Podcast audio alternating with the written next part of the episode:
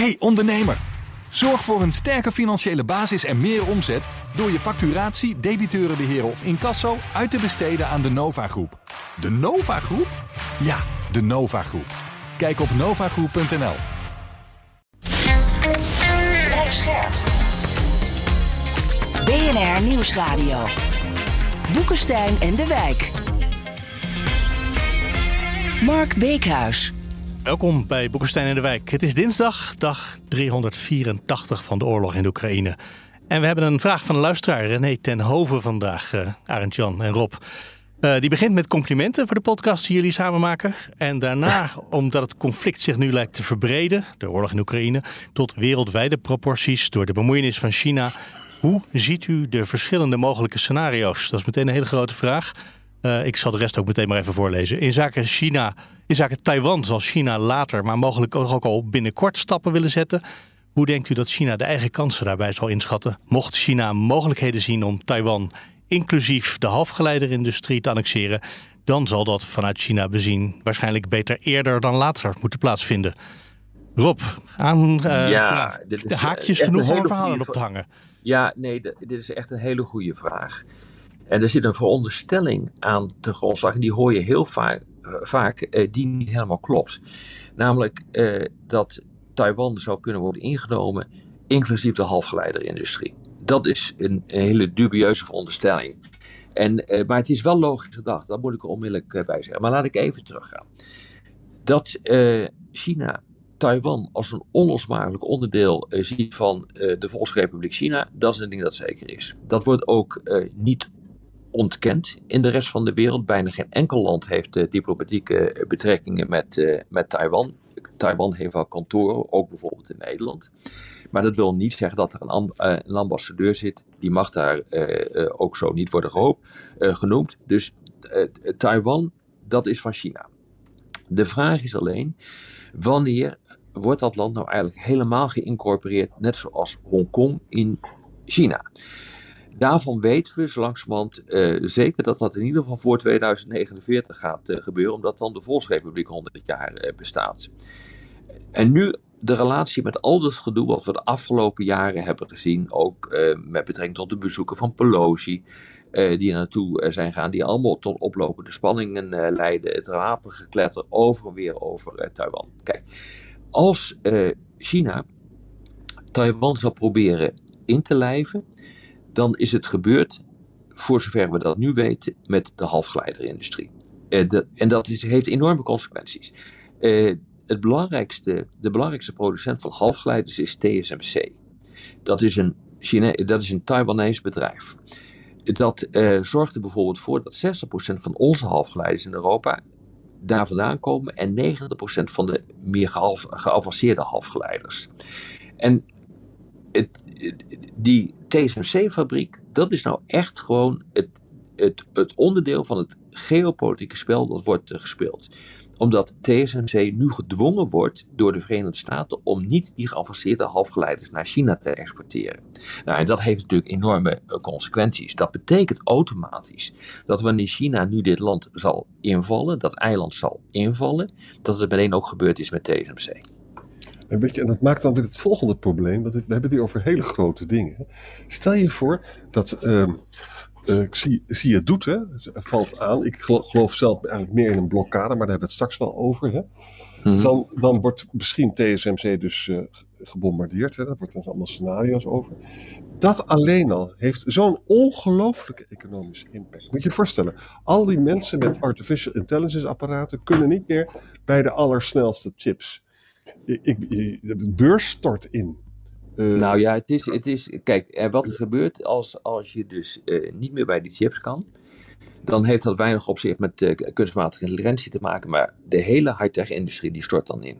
Ja. die de, de, de, koppelt los van allerlei onderdelen van die high-tech industrie, maar het kan dan gewoon niet meer. Dan is het gewoon gebeurd en de impact de economische impact uh, ook op Europa zal gigantisch zijn. Dit is precies de reden waarom uh, de Verenigde Staten enorm aan het investeren is in fabrieken om geavanceerde halfgeleiders te kunnen maken, ja. inclusief een fabriek van TSMC die ook in de Verenigde Staten wordt gebouwd. En de Europese Unie wil iets dergelijks. Dus een TSMC-fabriek die zal vermoedelijk dan bij Dresden moeten komen. Maar dat heeft weer allerlei uh, problemen levert dat op in de relatie tussen Duitsland en China, die dat natuurlijk niet wil, nou enzovoort. Dat hoef ik niet uit te leggen dat dat echt een geweldig uh, probleem is.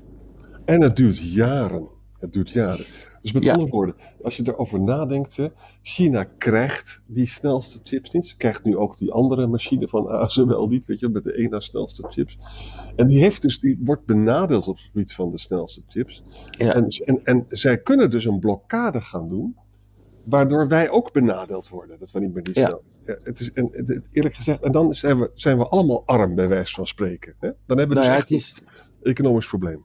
Ja, nou, dat mag je wel zeggen. Ik, ik denk als dit gaat gebeuren, als er, als, als er geen chips meer kunnen komen uit die TSMC-fabriek, daar is inderdaad eh, qua economische impact de Oekraïne-oorlog kinderspel bij. Ja, maar en dit China ons dan niet gewoon uh, bij de lurven en op het moment dat we dan tegenstribbelen, dat zeggen dan krijg je geen chips meer? Ja. Nee, nee, je, nee bedoel, die, die, chips die komen dan gewoon niet meer van Taiwan. En die kunnen ook niet naar, uh, naar China toe. Want je hoeft niet eens die fabriek te bombarderen. Als de werknemers gewoon weggaan, dan ligt de hele boel stil. En volgens mij zijn er ook maatregelen getroffen om gewoon bij wijze van spreken het hele proces, eh, laten we zeggen, tussen aanhalingstekens te saboteren, dan wel stil te leggen. En dan kan er ook geen chips meer eh, worden gebouwd. Maar de, maar de ellende is, krijgen dus, China krijgt dus nu al niet, niet de snelste chips. Hè?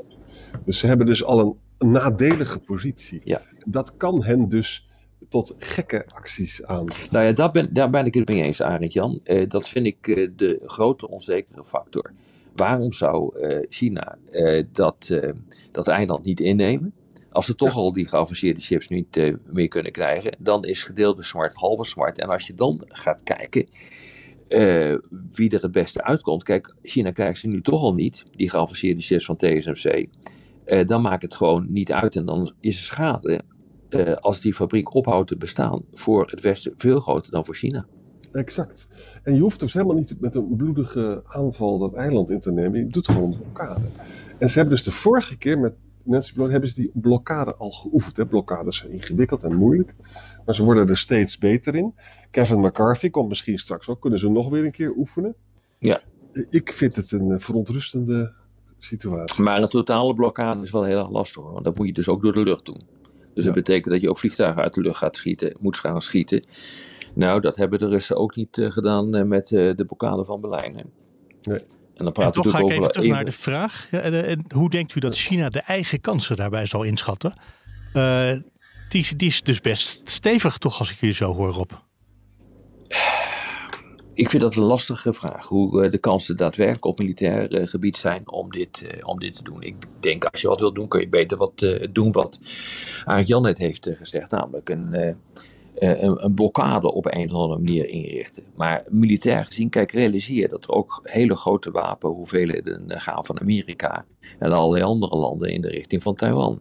Dus die proberen ook hun verzet zo in te richten uh, dat de prijs die China moet betalen om erin te komen al echt heel hoog is. En je krijgt eigenlijk een, eenzelfde probleem als wat Rusland met Oekraïne heeft. Het is natuurlijk wel een hele andere schaalgrootte, uh, maar realiseer je dat uh, je tegenover een bevolking, tegenover een legertje komt te staan. Uh, dat uh, technologisch geavanceerd heeft, is dat uh, de middelen heeft om zich te kunnen verdedigen. En heel belangrijk, een bevolking heeft die dat ook wil. Die gewoon niet wil dat dat land onderdeel wordt van China. Dus die motivatie om te vechten is vrij groot, denk ik.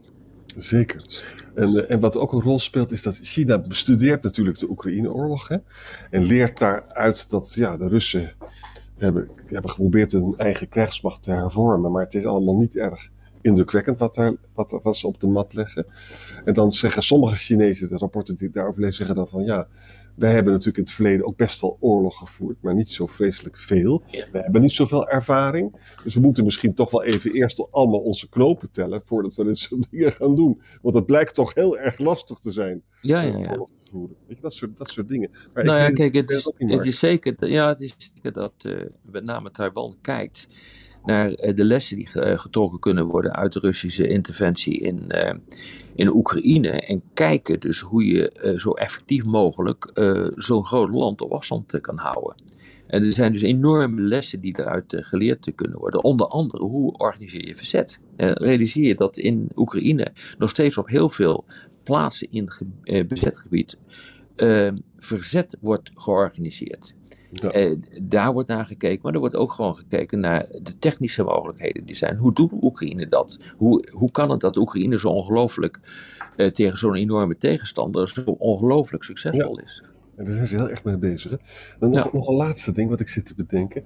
Kijk, wat China natuurlijk nodig heeft. China wordt, heeft nu last van die economische oorlogvoering van Amerika. Het wordt echt gediscrimineerd met die chips en ook met andere dingen. Een blokkade als zodanig geeft dus China een, een, veel sterkere positie. En kan op basis daarvan gaan onderhandelen. En kan dan misschien uit onderhandelen. Ja, ik wil gewoon wel die chips hebben. En dan stop ik met die blokkade. Het zou kunnen. Dat ja, is, nee, een van de dingen. Ja. Nee, maar kijk, één, één ding is wel zeker. Kijk, die keiharde confrontatie op dit ogenblik eh, tussen eh, China en eh, de Verenigde Staten over die chips, over high-tech. Dat moet op een gegeven moment moet dat, eh, moet dat escaleren. Dat, moet, Ja. dat gaat een richting op eh, waar eh, China zegt van "En nou is het afgelopen en nu ga ik iets doen. Wat dat iets doen is, weet ik niet.